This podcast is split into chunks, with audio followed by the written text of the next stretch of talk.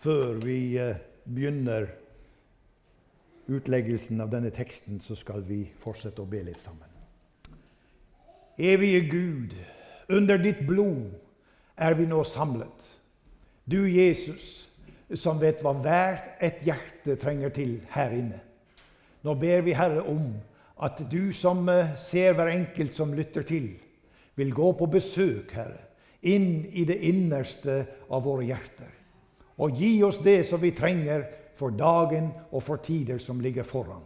Vi ber om din nåde, Gud, ved Jesu føtter i Jesu navn. Amen.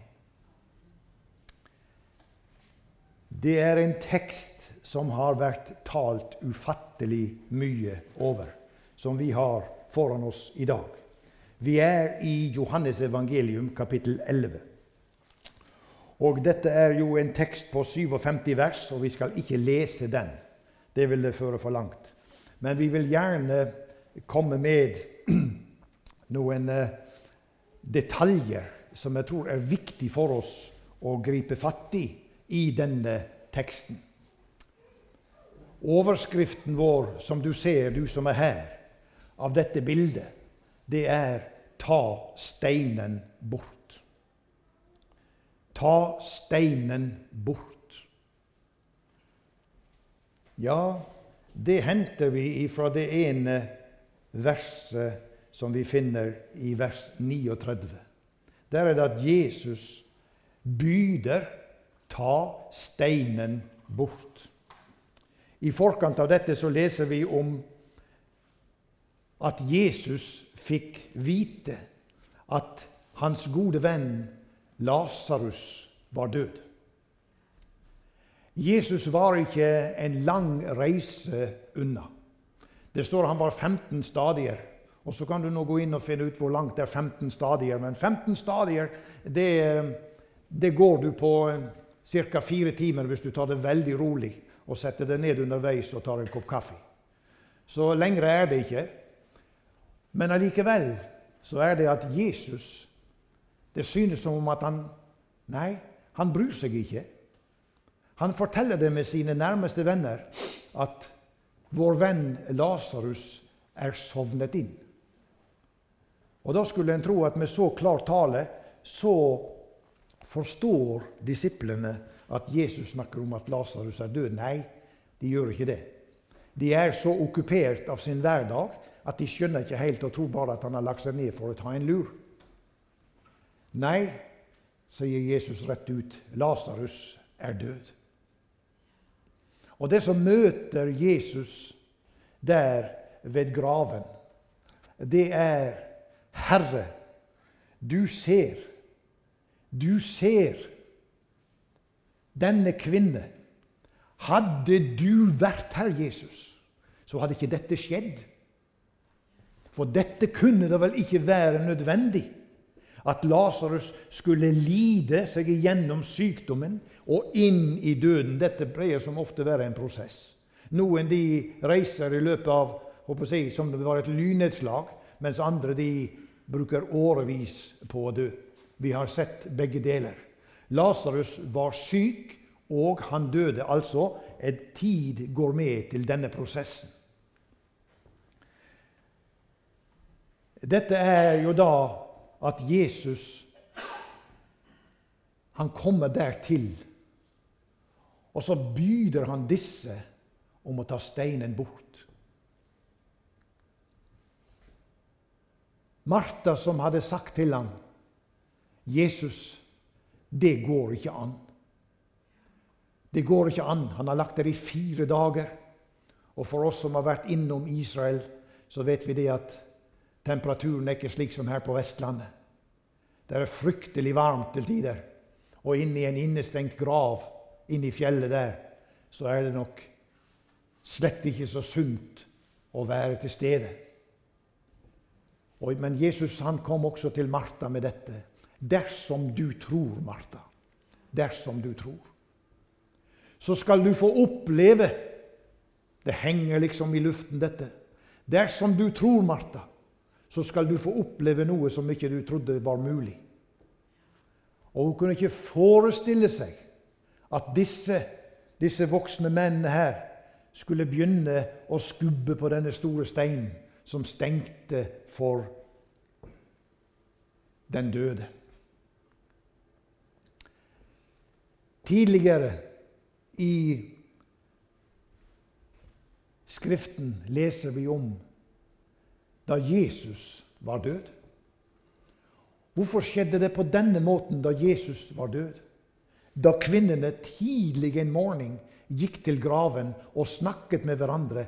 Men vi med våre små muskler og små muligheter, hvordan skal vi greie å få vekk denne steinen fra graven, så vi kan komme inn og pleie den døde? Hvem skal velte bort steinen fra døren til graven for oss, så vi kan komme inn der og salve hans legeme.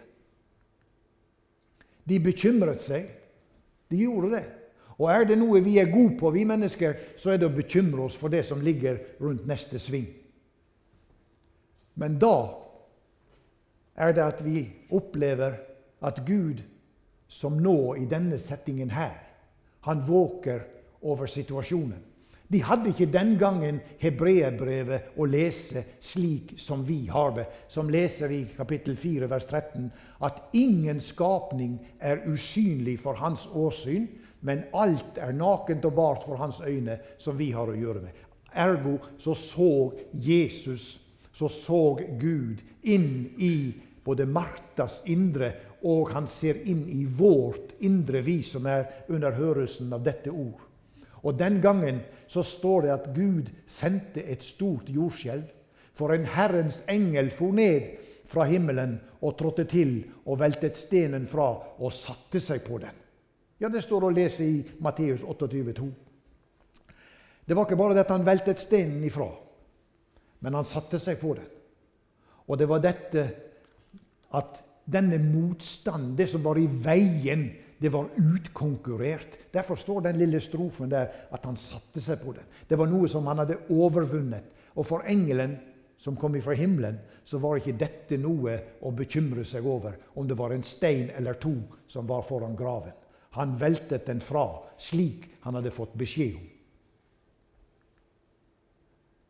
Og så kan vi spørre hvorfor gjorde Gud det på denne måten nå foran Lasarus' grav, da? Hvor han går inn og byder menneskene nå skal dere velte steinen vekk. Var ikke dette å strekke det vel langt, selv for Jesus, og be sine nærmeste venner, sine tilhørere der foran graven? Det var da for menneskene vitterlig en, en umulighet. Og spørsmålet kom til meg når jeg satt og leste dette. Hvis jeg var der fysisk til stede, så ville jeg ha tenkt Oi, nå får vi oppleve først et forsøk, og så får vi en flause. Dette blir en fiasko.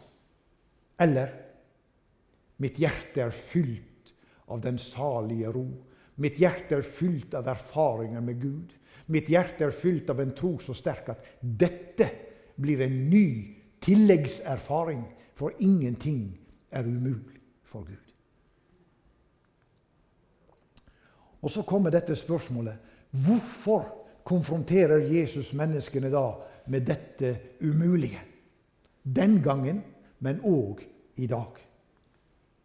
Hva er det Gud i himmelen prøver å vise oss, vi som eh, er til stede og hører disse ord? Hva er det Gud prøver å fortelle oss gjennom dette at han byder sine om å ta steinen bort? Du tenkte rett. Han vil vise oss at ingenting er umulig for Gud. Dette ordet det bekrefter at Gud er spesialist der du og jeg må bakke av og si 'Dette rekker ikke vi opp til'. Slik følte og tenkte nok de som var til stede ved Lasarus' grav. Her rekker ikke vi opp. Hva skal det være godt for at vi ruller vekk denne store steinen? Som vi nevnte til å begynne med. Han var ikke så langt unna Jesus. Han kunne kommet før Lasarus døde. 15 stadier, noen få timers rolig gåtur.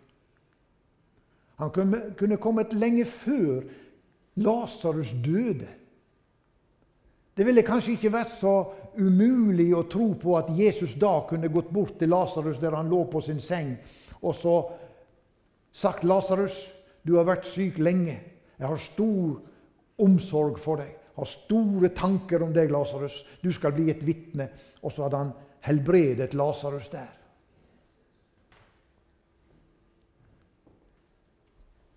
Men nå å tro til oppvekkelse av en som har vært død i fire dager, hvor vil du hen? Vi har alle her vært på en kirkegård. Vi har alle stått ved siden av en som har pustet for siste gang her på jord. Og vi har kjent på dette ufattelige som heter sorg og savn. Og så bli konfrontert med denne utrolige tildragelsen som vi leser om her. Det reiser noen spørsmål. Hva slags erfaringer har jeg og du med Herren der det umulige griner oss i møte? Der vi står helt til veggs og ikke kan manøvrere i det hele tatt?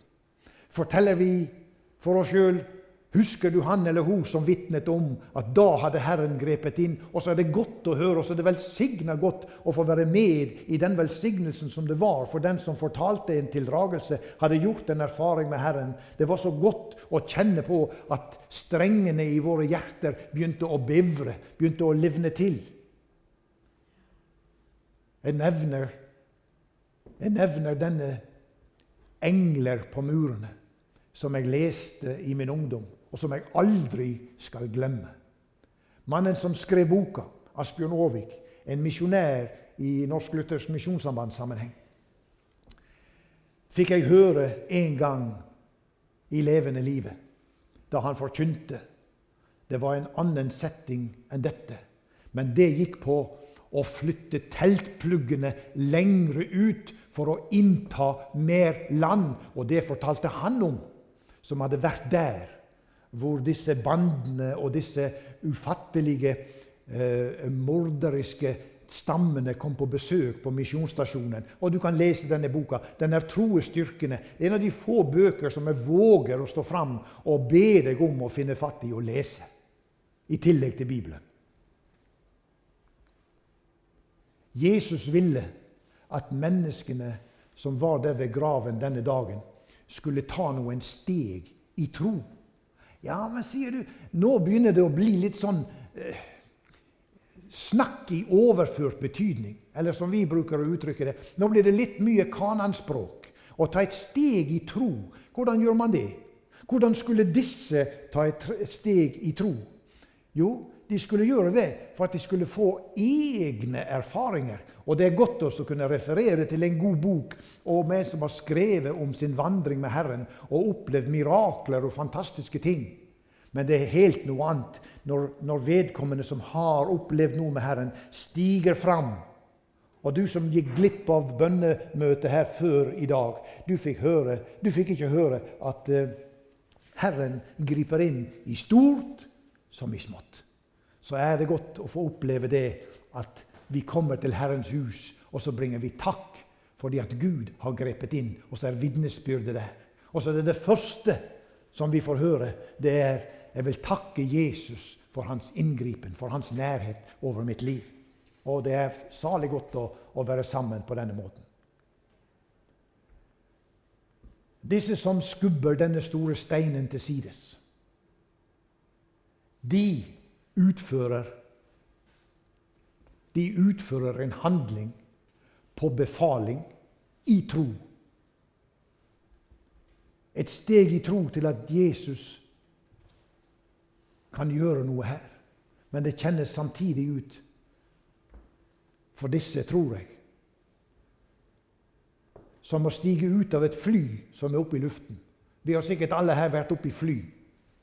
Men jeg er så heldig at jeg har et barnebarn som over Stillehavets øyer hekter på seg en fallskjerm og en annen kar i et tandemhopp og stiger ut av et fly flere tusen meter opp i lufta. Når du spør meg om hvem han ligner på i familien, så tror jeg at det må komme fra en annen side. Det er ikke denne mannen som spenner på seg en fallskjerm på 5000-6000 meters høyde, og så ser jeg ut, og så bare hopper jeg til. Ikke denne mannen. Nei, ikke om jeg hadde vært 50 år yngre heller. Men dette med å stige ut på noe i tro, det kan, det kan virke litt sånn Dette går ikke an. Dette kan jeg ikke gjennomføre. Peter, og vi kjenner til dragelsen, han steg ikke ut av et fly. Men han gjorde noe som var fullt like vanskelig. Han steg ut av båten. Og for oss som er sjøfolk, og som vet litt om hva det vil være å være på havet når det er dårlig vær La oss høre hva Matteus 14, 27-29 skriver. Men Jesus talte straks til dem og sa, Vær frimodige, det er meg, frykt ikke. Da svarte Peter ham og sa, Herre, er det deg? Da byd meg å komme til deg på vannet. Han sa, Kom. Og Peter steg ut av båten og gikk bortover vannet for å komme til Jesus.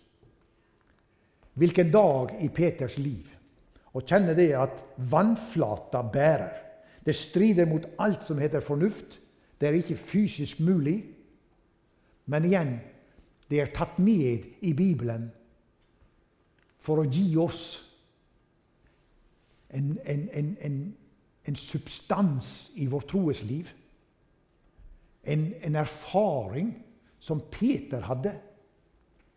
Og det skapte et vitnesbyrd så stort, det Peter gjorde, at det er tatt med i denne hellige bok, som Gud har latt skrive hvert en tøddel av. Bibelens rekkefølge når det gjelder å stige ut på i tro. Det som møter oss når vi begynner å skubbe steinen til sides i vårt indre hjerteliv det er det første. Det er stanken som siver ut. Og det, nei, det må ikke skje. Noen andre må ikke få se det som Paulus og Silas opplevde. Da de hadde vært på vekkelsesmøte, og en kvinne var blitt frelst, hun og hennes familie. Vi er i uh, apostelgjerningene 16. Og vi leser videre utover om uh, Paulus og Silas som på bakgrunn av at noen menn der mistet sin inntekt pga. at de avslørte den ånd den ropende kvinnen hadde, så er det at Paulus og Silas de trekkes frem på torget i byen der de var. Og der, i det offentlige rom, der svinger soldatene sine pisker over deres rygg og hudstryker dem. Ja, Det står å lese i Apostelgjerningen 16. Det kan, du, det, det kan du studere. Det var ingen god opplevelse for Paulus og Silas å bli ydmyket i det offentlige rom. Har du smakt på dette, å bli ydmyket?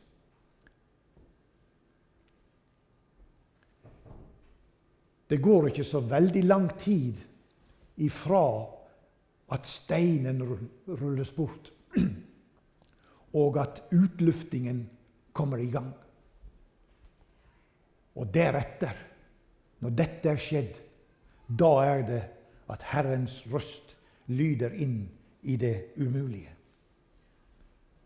Når det slik som her beskrevet er, blir gjort, så tar vi steg i tro. Og vi viser Gud at selv om vi ikke forstår, så blir Han ved disse våre handlinger, våre steg, invitert inn i vår situasjon og kan rope til en forandring. Situasjonen forandres til det motsatte av det som var den tidligere status. Og det kommer et nærgående og vekkende spørsmål til oss her nå. Hva er steinen i ditt og mitt liv? Har vi noe som er umulig for mennesker å gjøre noe med? Han som står her, har det. Og det kan vi vitne om, mange av oss. Det er noen umuligheter som har truffet oss. Men har vi da sluttet å tilkjennegi behov for forbundet? Har vi da sagt at nei, nå, nå får det være nok? Jeg har gått nok, nok ganger til første benk. Jeg har gått nok ganger inn i bønnerommet. Jeg har gått nok ganger på kne ved stolen min ned i verkstedet mitt. Jeg har ropt til Gud så mange ganger, men det har ikke forandra en døyt. Har vi resignert fordi at Gud drøyer med sitt svar og vil vise oss noe i dette? Vi er håper å si, som de som drar til Las Vegas og Atlantic City og hvor det måtte være, og putter en daler inn på en sånn enarmet banditt. Og så drar vi den armen, og så håper vi gevinsten ramler oss i fanget med en gang. Hos Gud fungerer det ikke slik. Det skaper ikke et vitnesbyrd. Det skaper ikke noe fremtidsrettet. Vær du med å gå i motsatt retning. Lån ikke ditt øre til han som sier 'bare hold deg i ro på benken', ikke kav deg opp med noen ting'. Det blir jo ingen forandring av det allikevel. Du har vært til forbønn så mange ganger. Du har, du har knelt ved første benk. Du har blitt salvet for din sykdom. De eldste har bedt for deg. Det har ikke skjedd noen ting merkbart.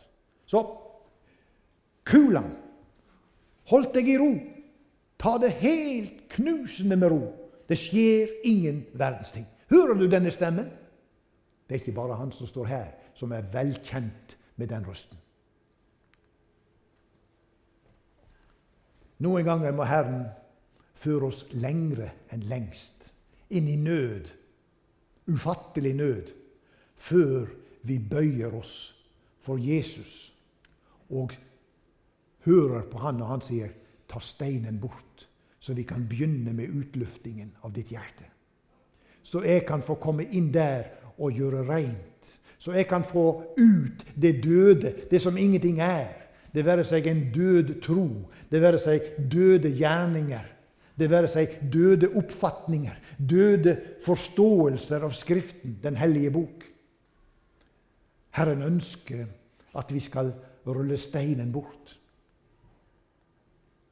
Vi er kommet til endes. Dette som vi nå gjør, det gjør vi sjelden i arken. Men dere som er her, kan lese. Og vi skal lese denne bønnen sammen. Far i himmelen, jeg vet at du er underets Gud. Ingenting, sier du, er for vanskelig for deg. I dag vil jeg stige inn på dine løfter i tro og få hjelp til å rulle vekk steinen i mitt liv. Jeg vil innenfor deg avdekke hva som tynger, så du kan ta hånd om det som er så håpløst vanskelig i mitt liv. Herre, hjelp min vantro og se i nåde til min sjel. Jeg ber deg inn i min smerte og mine vanskeligheter. Hjelp meg å stole på deg. Løftenes Gud, hør min bønn i Jesu navn. Amen.